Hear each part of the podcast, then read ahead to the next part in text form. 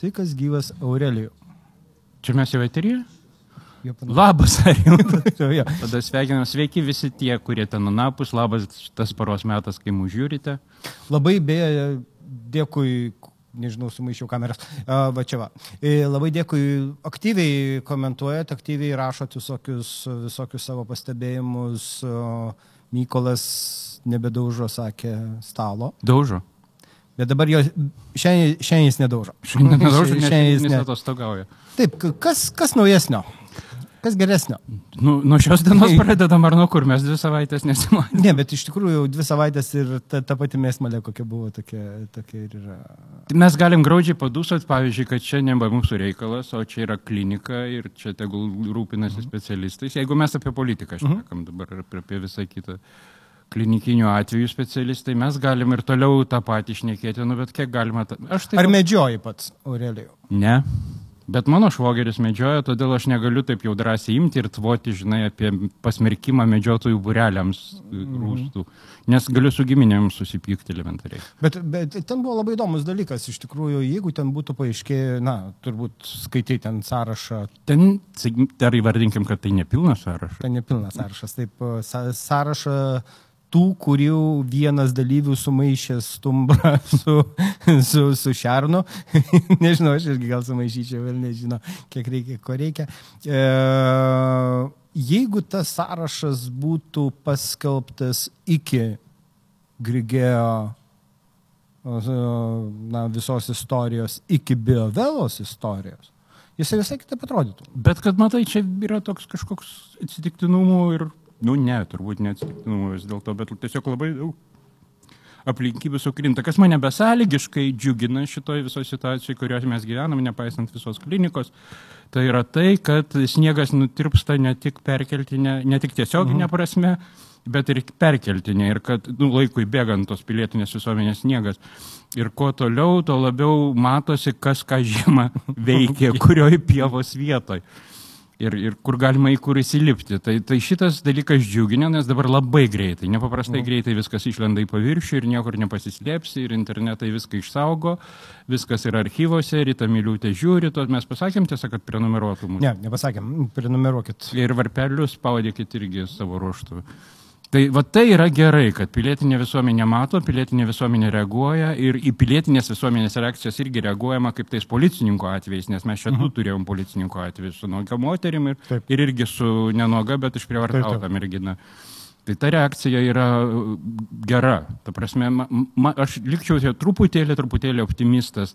Na ir dar lieku optimistas dėl to, kad į, Rotterdamą važiuoti darau, aišku. Mm, taip, taip, bet... k- k- mes galim dar taip. Taip, taip, bet kaip tu manai, kokie pokyčiai, ar iš viso, kiek organizacijos greitai sugebės suvokti, kad pasikeitė Radikaliai. radikaliai pats būdas komunikuoti, kad dabar, dabar jau nebėra, dabar, na, ateina atvirumo laikas. Ir, ir nuolatinės reakcijos, ir nuolatinės įtampos būsenos, ir, ir kai yra sakoma, kad komunikacijos žmonės turi gyventi 24/7, 24 valandas per savaitę e, pasirengimo būkliai, tai tai yra taip. Tai, tai yra, nebėra jokių grafikų. Ir mes apie tai jau nekartą mhm. šnekėjom, kad kažkada buvo, kad išleidė ten kompromatą šeštadienį ir ten jis verda ir apauga gandais per sekmadienį ir per savaitgalį ir tada kažkokios reakcijos, susirenka ten reagavimo grupė. Mhm. Nu, klasikinis atvejis yra, va, irgi teismo procesas tik ką baigėsi, yra reakcija į Zolitudės katastrofą.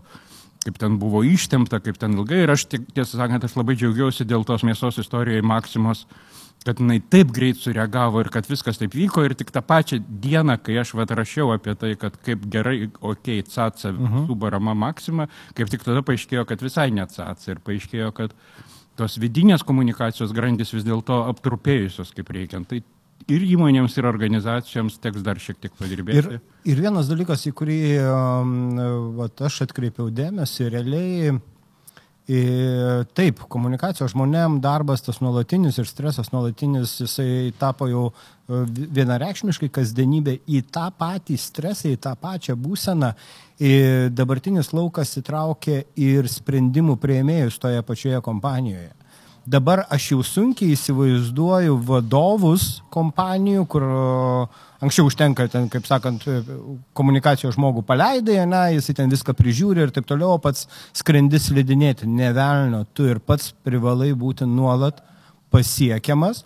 Dar vienas dalykas, ko gero man įdomesnis ir aš Grigėjo atveju žiūriu, daugelis kompanijų vadovų mėgsta turėti asmeninius santykius, tiesioginius santykius su žurnalistais, bendrauti ir taip toliau, ir taip toliau.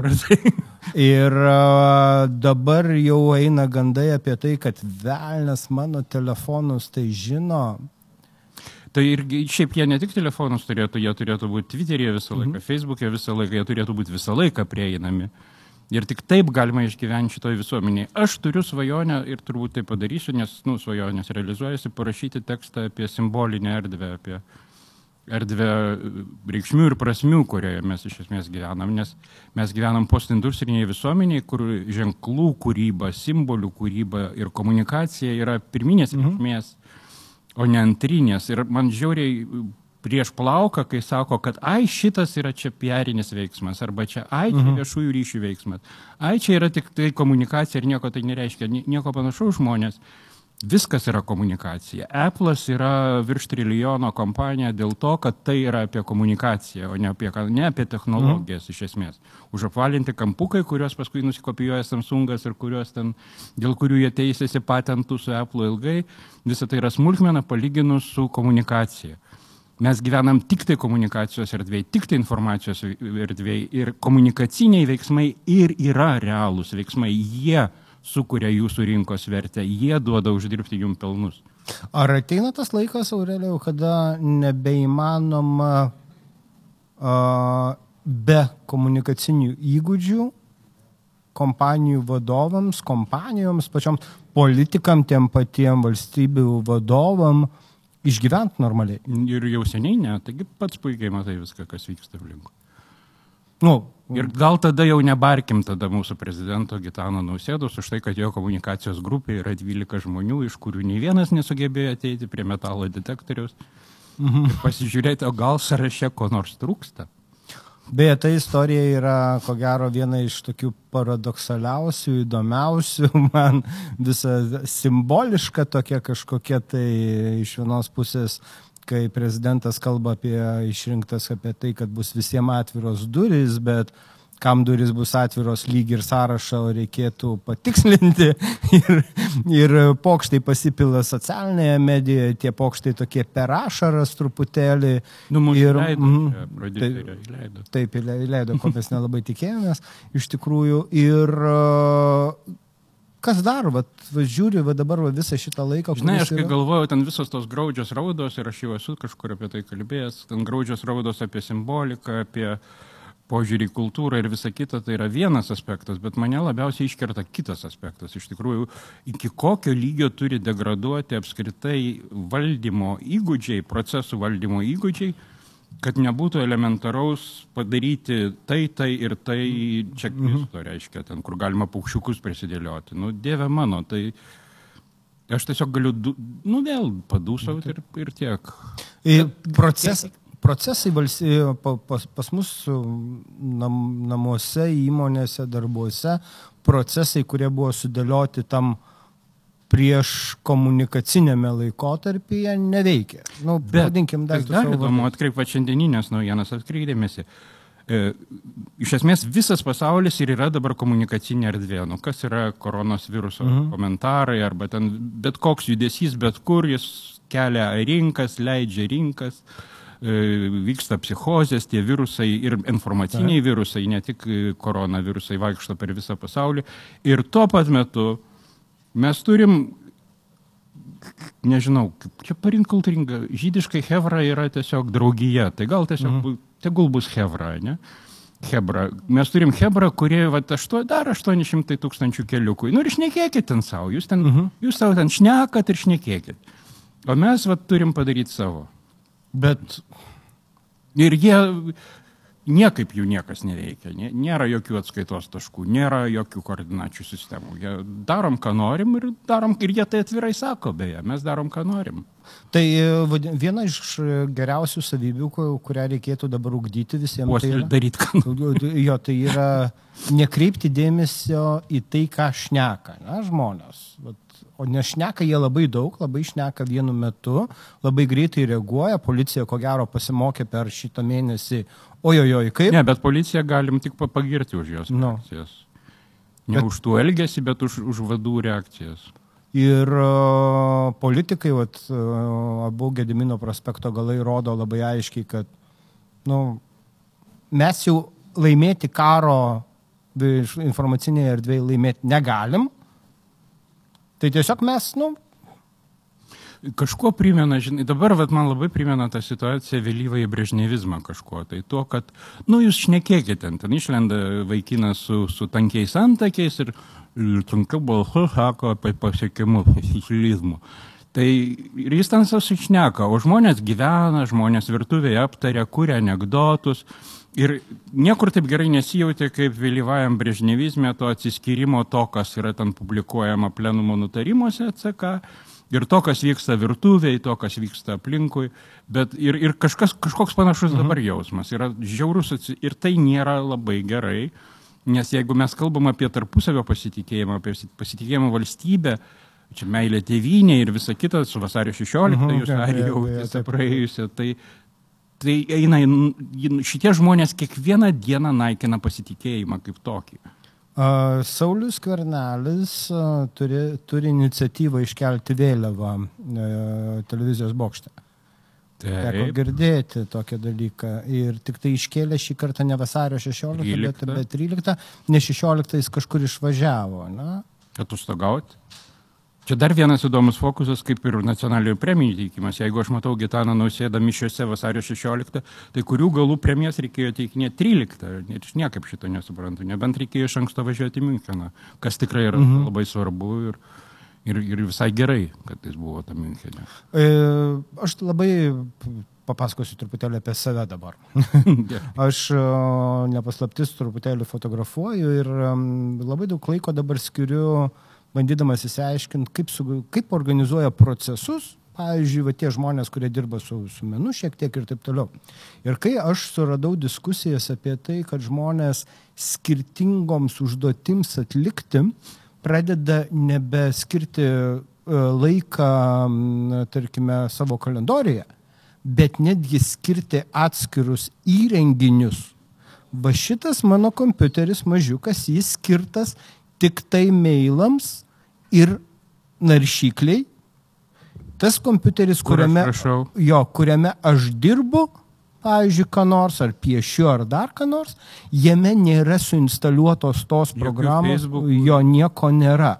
Žmonės juda uh, link to visiško vėl grįžimo, nu, negrįžimo, nežinau, kada, kada mes turėjom tą uh, nemultitaskinimo etapą, bet tiek pradeda skaldyti savo informacinį lauką ir kada jisai struktūruoti, kada pasiekia žmonėm, ir, tai, tai žmonėm yra pernelyg amorfiškas ir pernelyg didelis tas informacinis mhm. laukas, kurie, ir čia struktūravimas vienoks ar kitoks ne, ne, neišvengiamas. Ir jeigu anksčiau jiems struktūruodavo industrinės visuomenės sąrangą, mhm. Nes ir klasė yra tas pats cechas. Klasė yra mokinių rengimo cechas, kur įkišiai ten tą lapelį, Taip. kad atėjau į darbą ir ištraukiai išėjau į darbą. Akademija buvo organizuota pramoninės organizacijos būdų, gamyba visa. Visa tai subirėjo informacinė visuomenė, visa tai pasklido ir tapo kažkokių nejung, neiškių jungčių konglomeratų.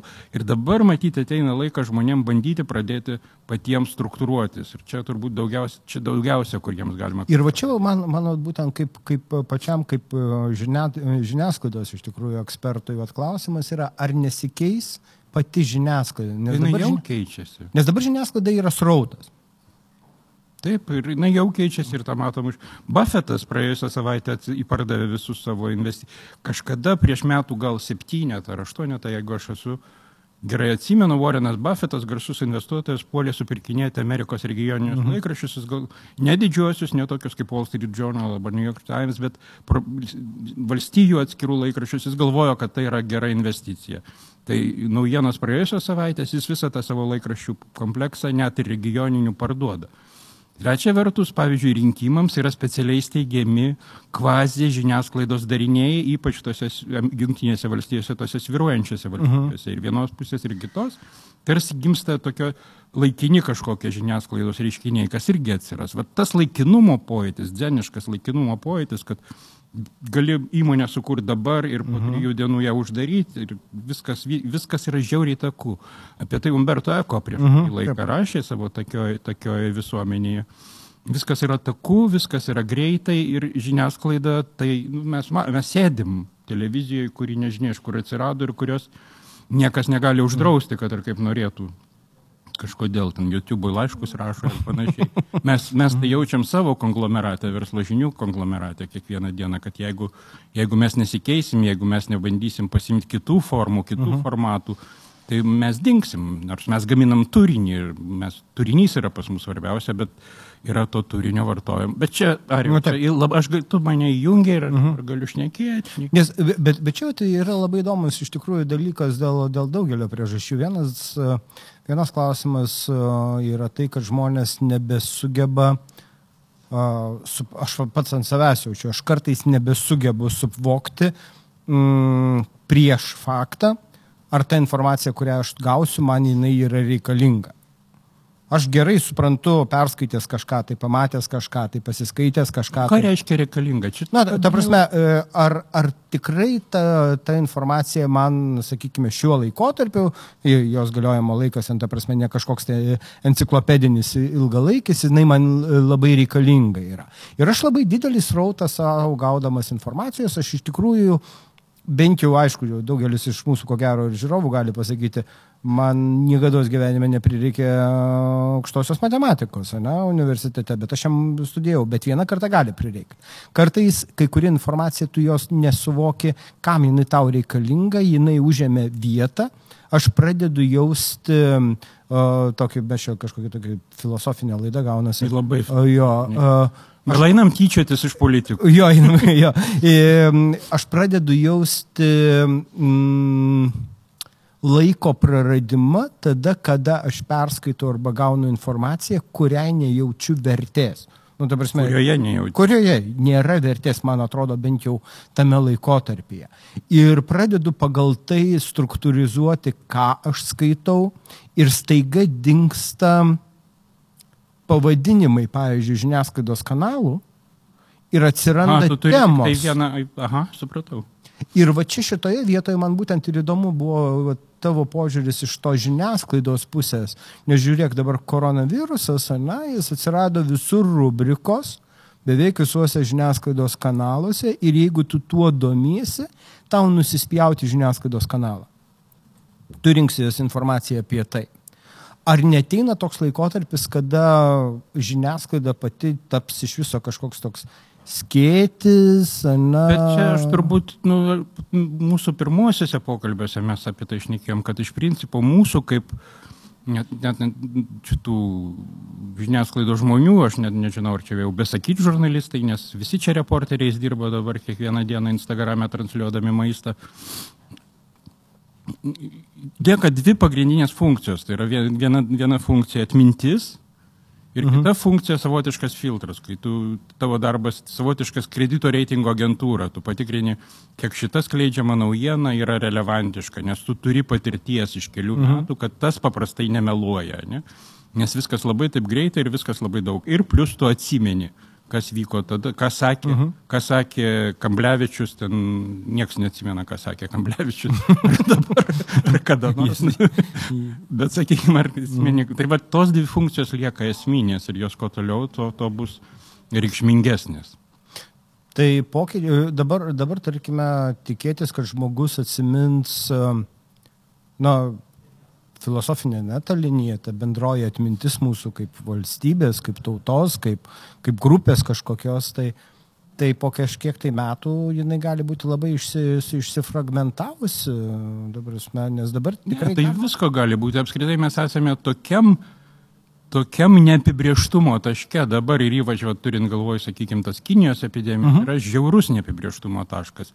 Niekas niekur, aš, vien, nu, ne mėnesį, bet seniau iš tikrųjų, aš stebiu, kaip ten viskas vyksta, tas vėlgi praėjusią savaitę skaičiavimo metodikos pakeitimas ir šuolės susirgusiųjų. Richardas Vaukinas aiškina, kad tai yra ten ar testais patvirtinti, ar tiesiog šiaip simptomai, uh -huh. dėl to atsitinka. Bet tada Bet tada ar negali būti dar įvairesnių metodikų? Vėlgi aš minėjau savo podkastę verslo žiniuose, šnekėdamas, kad Kinijos muitinės tarnyba 7 vasario turėjo paskelbti statistinius eksporto ir importo duomenis. Ir nepaskelbė, pranešė, kad praneš už sausį ir už vasarį kovo mėnesį. Ir Apple'as vakar, Apple kompanija vakar pranešė, kad mažina pelno prognozes. Mhm. Iš viso to plauktų ir, ir mačiau bankininkų iš Goldman Sachs ir iš JP Morgano pasisakymų, kad nu, yra niekas nežino, kaip bus iš tikrųjų. Koks mastas, mhm. kiek mastas, kiek tas sustabdyta ir kalba ne apie žmonių mirtingumą ir ne apie mediciną, kiek sustabdyta ekonomika suveiks, nes kabo du didžiuliai klaustukai prie naftos paklausos ir prie dujų paklausos. Mhm. Ir, ir visa tai gali griūti bet kurią akimirką. Tai mes tokiam esam neapibrieštumo taške, kad šnekėti ką nors apie ver- verslo prognozes. Aš žinau tikrai, kad e, Elonas Maskas dar paleis dar 60 palidovų, va čia prieš dvi dienas paleido 60 palidovų, tai dar paleis 60. Tai čia daugiau ar mažiau tikra yra. Ir Geitsas taip lengvai ar- patrolino. Nupirko Muską. Porsche elektrinį, ne. Tesla ir labai, pastarasis labai supyko. Bet aš negaliu sakyti, ar tikrai Maskas pastatys Berlyne gigafaktorių. Jau nebegaliu, jau čia atsiranda neapibrieštumo laukas, nes ten atbėgo vietinės Gretos Thunberg, pradėjo sakyti, kad, nu, jūs čia tiesa elektrinės mašinas darot, bet medis tai mano, Nu, nu, taip. pasirodo, vokiečiai tokie pat lietuviai. Medis mano ir niekas jo nenukirs. Beje, dėl, dėl medžių čia labai tokia lyrinis nukrypimas prieš klausimus, kurių turim irgi filosofinių labai įdomių. Mano, mano gentyje yra medžio inžinierių. Nu, su mediena daug dirbančių ir taip toliau, kurie ir aš pats buvau vis, visą laiką prieš tos, kurie pjauna medžius ten ir taip toliau ir taip toliau. Man žmogus atsisėdo ir moksliškai paaiškino, ir vėlgi čia yra pasitikėjimo klausimas, ka- kaip ir juo ta pačia, jo ar Jo. pasitikė ar ne. Medis auga iki tam tikro laiko, jisai kaupia CO2 Paskui jis pradeda pūti. pradeda pūti. Jeigu tu medį iki to laiko, kai jisai dar nepūna, bet jau nebeauga, nupjauni ir iš jo pagamini baldą, vat, pavyzdžiui, tu tą CO2 dar 50 metų užkonservavęs ir laikai. Jeigu tu leistum jam nugriūti ir nusipūt, tas CO2 išeitų į orą. Spręsk pats sako, kas geriau. Ar remti medienos pramonę ar ne. Nu ir aš taip. Ir ką tu nusprendai, mes palink, paliekam dabar žiūrovam. Pa, jo, bet va, tiesiog pagalvokit, ka- kas geriau. A- Aš, aš mėgstu medė, medinius baldus, man labai patinka ir pu- pušis labai patinka kvapas. Taip, žinau, klausimų tokių įdomių.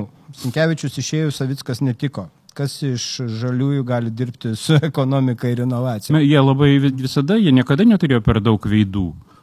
Jie turėjo, Savickas pirmiausia, nežalieji. Čia yra. Tai yra tie profesionalai, o ir iš viso, ne, nevartokim to termino žalieji valstiečiams, sugalvokim kokį nors kitą. Tai nes nieko ten žalio nėra, iš esmės. Sinkevičius buvo be nesimpatiškiausias jaunas veidas toj komandai. Labai džiaugiuosi, kad jis Briuselyje atstovauja Lietuvai. O daugiau aš neįsivaizduoju, ką jie dar gali ten surasti. Bet čia klausimas nėra personalijų klausimas. Čia šne- šnekam visi jau savaitę. Čia yra galios ribų ir žaidimo taisyklių nusistatymo klausimas. Kokios bus žaidimo taisyklės. Ir iš vis, kiek čia laiko liko dabar iki spalio Nu, 11? tai kiek čia, kiek, kiek devyni, de, dešimt mėnesių, ne? Mažiau. Devyni, devyni. Mažiau. Aštuoni mėnesiai iki Aštuoni spalio 11, kaip nors gal išgyvensim. Bet man Tai jau tiek laiko gyvenam, beje, jeigu ka, ka, kas nors paklaustų, kiek laiko gyvenam be, Be valdžios. be valdžios, faktiškai tai jau yra kur kas daugiau. Um, kitas klausimas, uh, matyt, čia ne, viena, ne vienas žmogus apie tai galvoja. Kas būtų idealus konservatorių vedlys rinkimuose ir kodėl? O kodėl mes turėtume už juos atsakinėti? Taip, Tegul jie... Tegul jie patys sprendžia. Iš tikrųjų, čia gudriai mes išsisukom nuo, nuo, nuo atsakymo, nes nevelnio nežinom. Aš atvirai pasakius, čia dar yra dar vienas klausimas dėl sąrašo mm, Tevinės sąjungos. Mm, nes dabar jau čia paleista į eterį tokia nu, gandelis apie galbūt čia dalia grįžta į konservatorių. Nu, Oi, negrįžta, oi, oi. eina. Nu, čia, čia mano, nu, jo, rokas jo ir taip toliau, ir taip toliau. Mm, konservatoriai turi problemą. Jie turėjo tą problemą pakankamai ir senoji karta išvažiavo, kad ir su kokiais reitingais.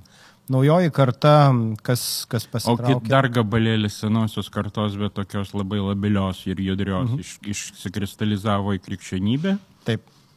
gabaliukas. Bet ten, nu gerai, tegul ten būna toks darinys, kur ir suės tie žmonės, kurie vat, yra radikalus, radikaliai, socialiai krikščioniški. Tegul ten jam ir būna vieta. O kitkas jie turi patys išsiaiškinti. Turi, reikia, aš kaip sakau paprastai, reikia girdėti ir, ir, ir reikia paskui formuluoti iš to, ką išgirsti.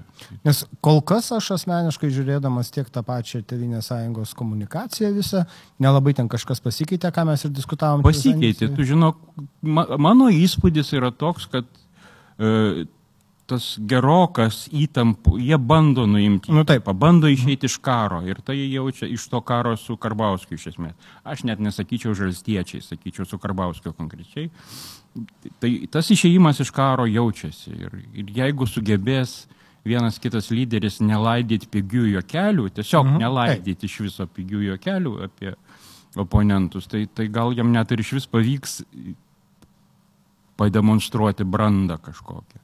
Nes vat, o, aš visai nesenai buvo Eugenijaus Gentvilo interviu, teko turbūt skaityti ir pačiam, kur, kur, kur, jisai, kur jisai taip, ši, toks paprastas, jisai jo niekada nebūna labai gilus ten kažkokie tai um, uh, pasvarstymai, bet mm, akivaizdžiai tarp jo, tarp jo žodžių, eil- tarp eilučių aš nuskaičiau ir tai, kad, na, um, trūksta ir, uh, žinoma, jisai savo naują lyderę gyrė, bet, bet, Bet ją tik girti Bet- galima. Viktorija. Čmilytė ko puikiausiai. jinai kitų- geriau atrodo už konservatorių lyderius, mano nuomonė.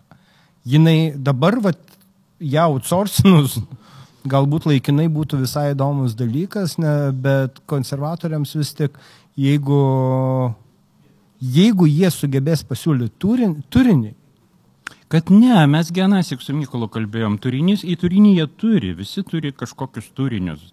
Bet jiem, iš jiem reikia kalbėsenos pakeitimo, elgsenos, kalbėsenos, neiškomunikuoja. laikysenos, taip. empatijos truputėlį daugiau. Nu, tegul hamai būna ne, kitur. Ne, nesugadinkit mano mėgstamiausia mano, mano pokšto, tai yra degutienė, atsistojanti per suvažiavimą konservatorių, kiekvienais metais pasako, žmonės mano, kad mes arogantiški kažką turime su tuo daryti. Ir jinai tai sako kiekvienais metais, kiek aš pamenu, ir mano tai yra vienas iš mėgstamiausių dalykų. Vat, vat žiūrovas, skaitytojas, klausytojas, nežinau kas, kaip vertinate, kad STT netirs Karbauskas schemučių apie roką Masiulį? Ir mano netirs. Taip. Aš dar nepaišiau, tiesa, kurį reiktų gal nupaišyti, kur laisvės tave panaudoja Patreonų pinigus, sąsajas čia, schemutės, miliūtė, tapinas, sobutaitė, čia pra... visas dainas, kad Kevičius rašo kartais Matskevičiui, Matskevičius dirba tam pačiam name su Šeškum, nu, daug schemučių galim pripaišyti. Ir manau, kad jas jų netirsas tada. Su giliu. Kas bus pirmas numeris Tevinės sąjungos sąraše? Landsbergis, Šimonytė, Masiulis ar Grybauskaitė? Čia Grybauskaitė atmeskim. Na, no, nesąmonė. Nu, ta prasme, jinai daro, šiaip beje, aš dabar tik tai užsukau. Aš laukčiau kaip tik šiais metais kažkokių žinių apie tarptautinę jos karjerą vienokią ar kitokią, kad čia yra tokia pauzė prieš, nu, kažką, tai mes sužinosim, kur. Labai, labai, labai graži nekokybinė prasme nuotrauka, ne, atsiprašau, fotografas pas mane išlindo dabar tik ką, bet uh, jos su Merkel Facebook'e įkelta nuotrauka, kai ir ten dar keletas prezidentų aplinkui duodas, nežinau, ką jinai veikia ten, kur, kur jinai ten buvo.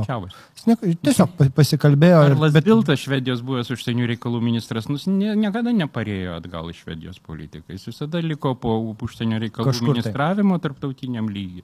Tai aš manau, kad, na, nu, ir nebenorėkim jos parsitemti čia. Ta prasme, tikrai. Ne, tai norėt mes galim. Bet, bet, bet ji ten gali daug dalykų padaryti, aš manau, ir jinai ten įdėjo tokią žinutę, kad mes padiskutavome apie ES lėšas, nežinau, ka, ka, kas ten užkoduota, jinai mėgsta užkoduoti tam tikrus dalykus, kaip Noroko gelytės, ne, gautos. Ir dabar Karbaskis, kodėl jis Karbaskis neįdėjo savo schemoje šitos dalies, ba, gelytės ir taip. Beje, važiuojant. O dar, o dar jeigu padimt medų, kurį jinai išdalino į visas pusės, tai taip. iš visos chemytės galima nupirkti. Čia, čia, čia, čia.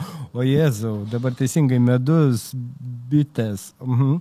Koks jūsų akimis švietimo lygis Lietuvoje? Čia tavęs turbūt klausim, nes tu mėgsti pasisakyti apie švietimo lygį. Lietuvoje. Keistas, iš tikrųjų yra žiauriai gerų mokyklų, žiauriai įdomių, žiauriai inovatyvių.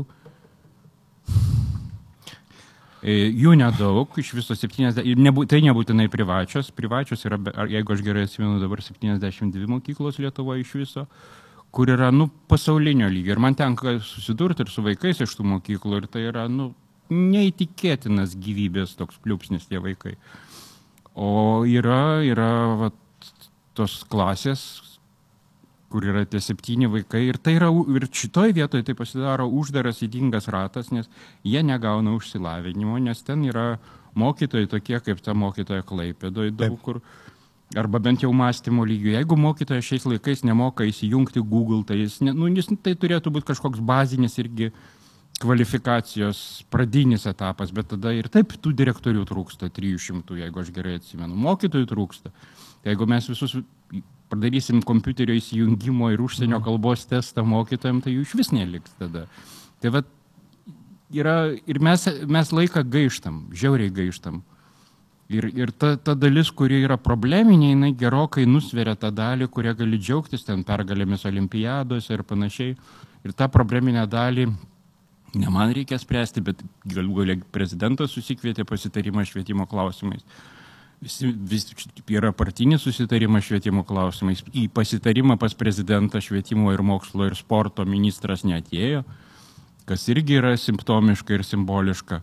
Tai kokia švietimo padėtis yra, šiaip paprasčiausia būtų pasakyti prasta ir padidinkit mokytojams atlyginimus, tada ateis jaunimas, tada bus konkursai į mokytojo vietą, tada mes atleisim visus pensininkus, kurie nemoka įsijungti kompiuterio ir nemoka kalbų ir tada viskas pasikeis. Tai aš aišku utriruoju ir aš šitą savo prakalbą sakau ir sakysiu, bet aš puikiai suvokiu, kad jinai yra... Mm, lozunginė ir, ir na, yra daugiau tokia provokacinė ir erzinanti. Realiai tas problemas reiktų spręsti nuo kažkokios kitos vietos. Bet ir nuo kur aš nepasakysiu. Pataisyk mane, Aurelio, jeigu aš klystu, bet man atrodo, kad vienintelis partijų susitarimas, dėl, kurio laikymasi, tai yra dėl NATO ir gynybos. Ir gynybos, taip, taip, taip. Jau do, joks daugiau yra nesilaikomas. Kaip tu manai, kodėl? Mm, interesai turbūt. Interesai, kurie. Nėra pinigų?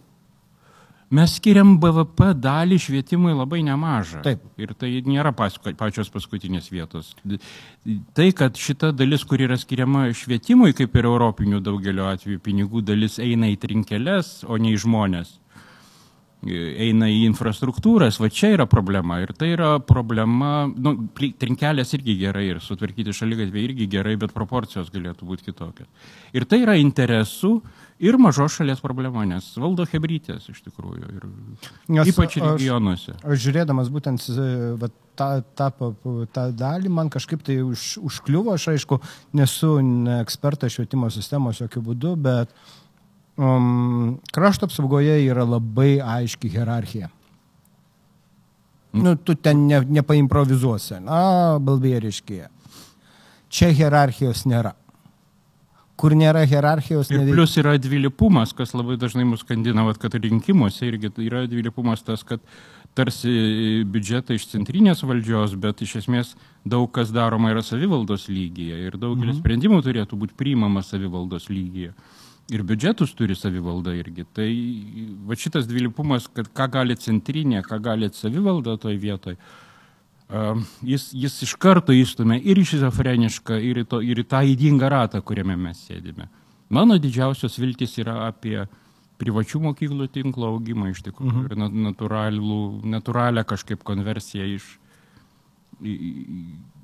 atmirimą to, kas mhm. neveikia, aš vis dėlto širdį giliai visada lieku optimistas ir galvoju, kad tai, kas neveikia, vis tiek turės numirti anksčiau ir vėliau, o tas, kas veikia, turės išaukti anksčiau. O man viena, viena mintis yra, kuri, kuri, sakykime, dėl ko aš dar lyginau o tą vis tiek vasario 16 labai gražus stebėti karius stovinčius prie degančių laužų ir taip toliau. Ir žinai, man norėtųsi, gal aš per daug simbolikos tokios mėgstu, bet uh, kitoje pusėje mokytojas stovintis irgi, ko gero, visai nepamaišytų, ne, šalia tų laužų pačių.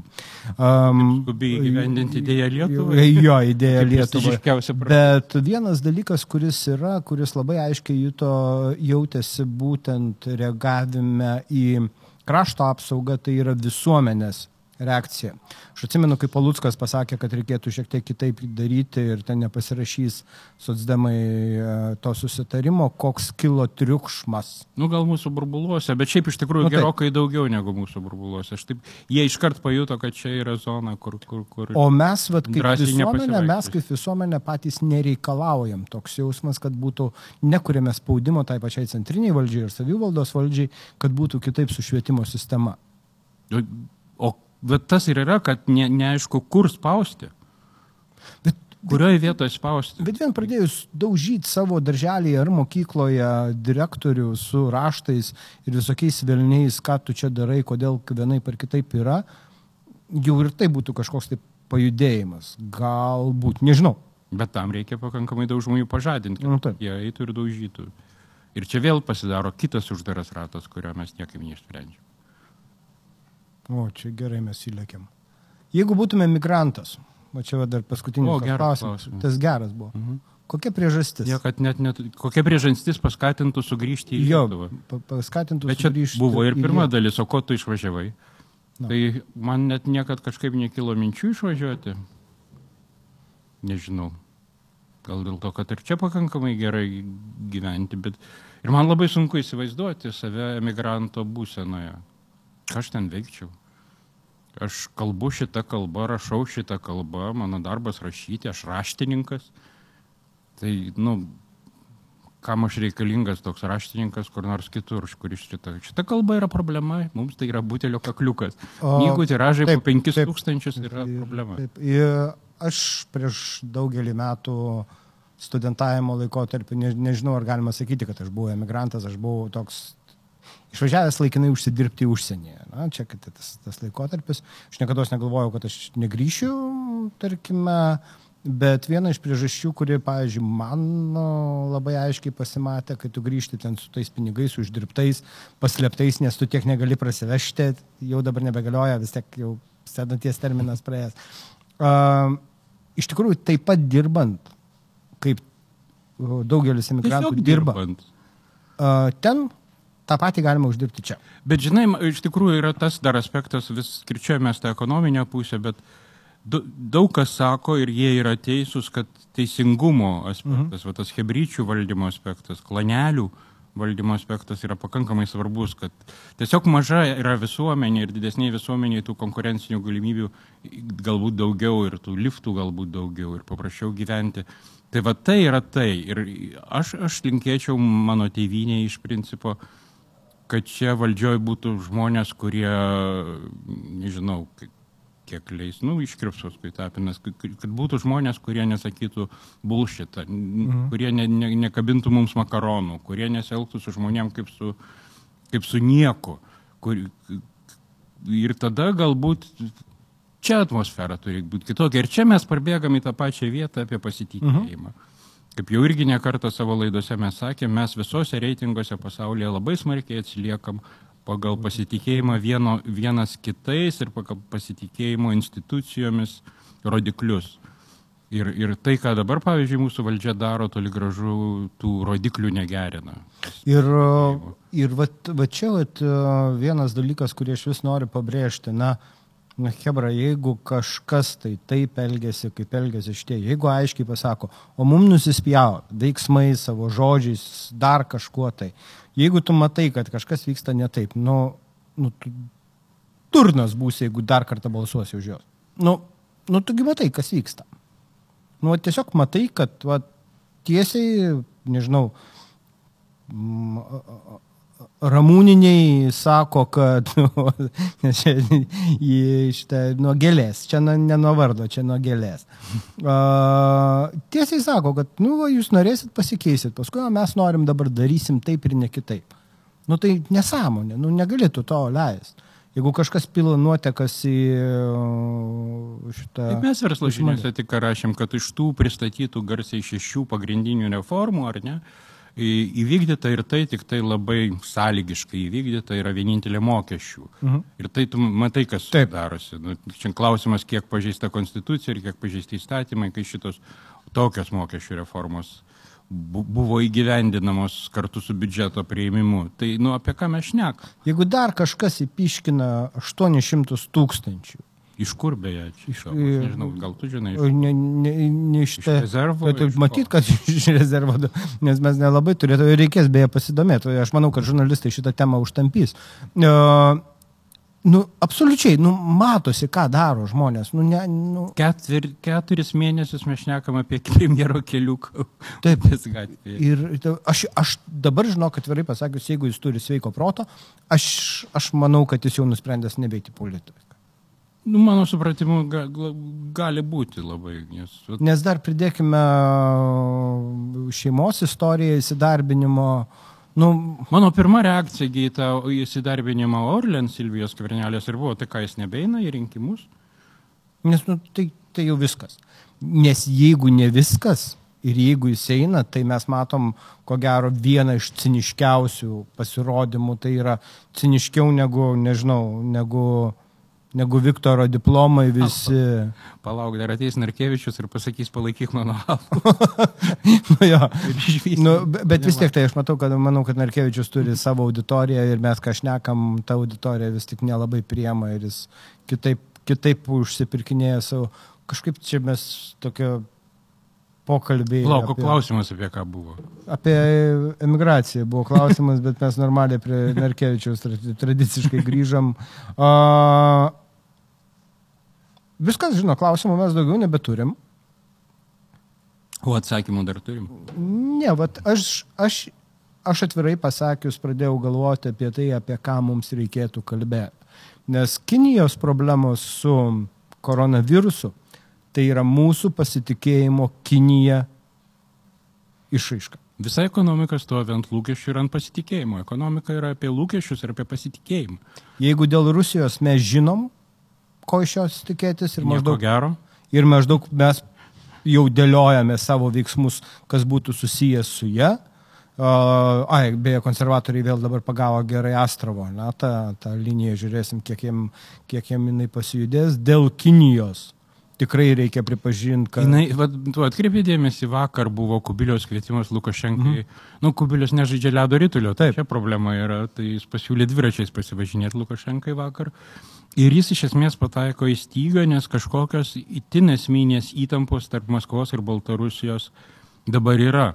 Paprasto anšliuso Maskvai nepavyko Taip. padaryti, ko matyti buvo tikėtas ir dabar ten yra ta konflikto zona, kad galbūt šitie astraviniai sąjūdžiai turės erdvės kažkiek suleistis, nes galbūt jais gali būti šiek tiek suinteresuotas ir pats paskutinis Europos diktatorius.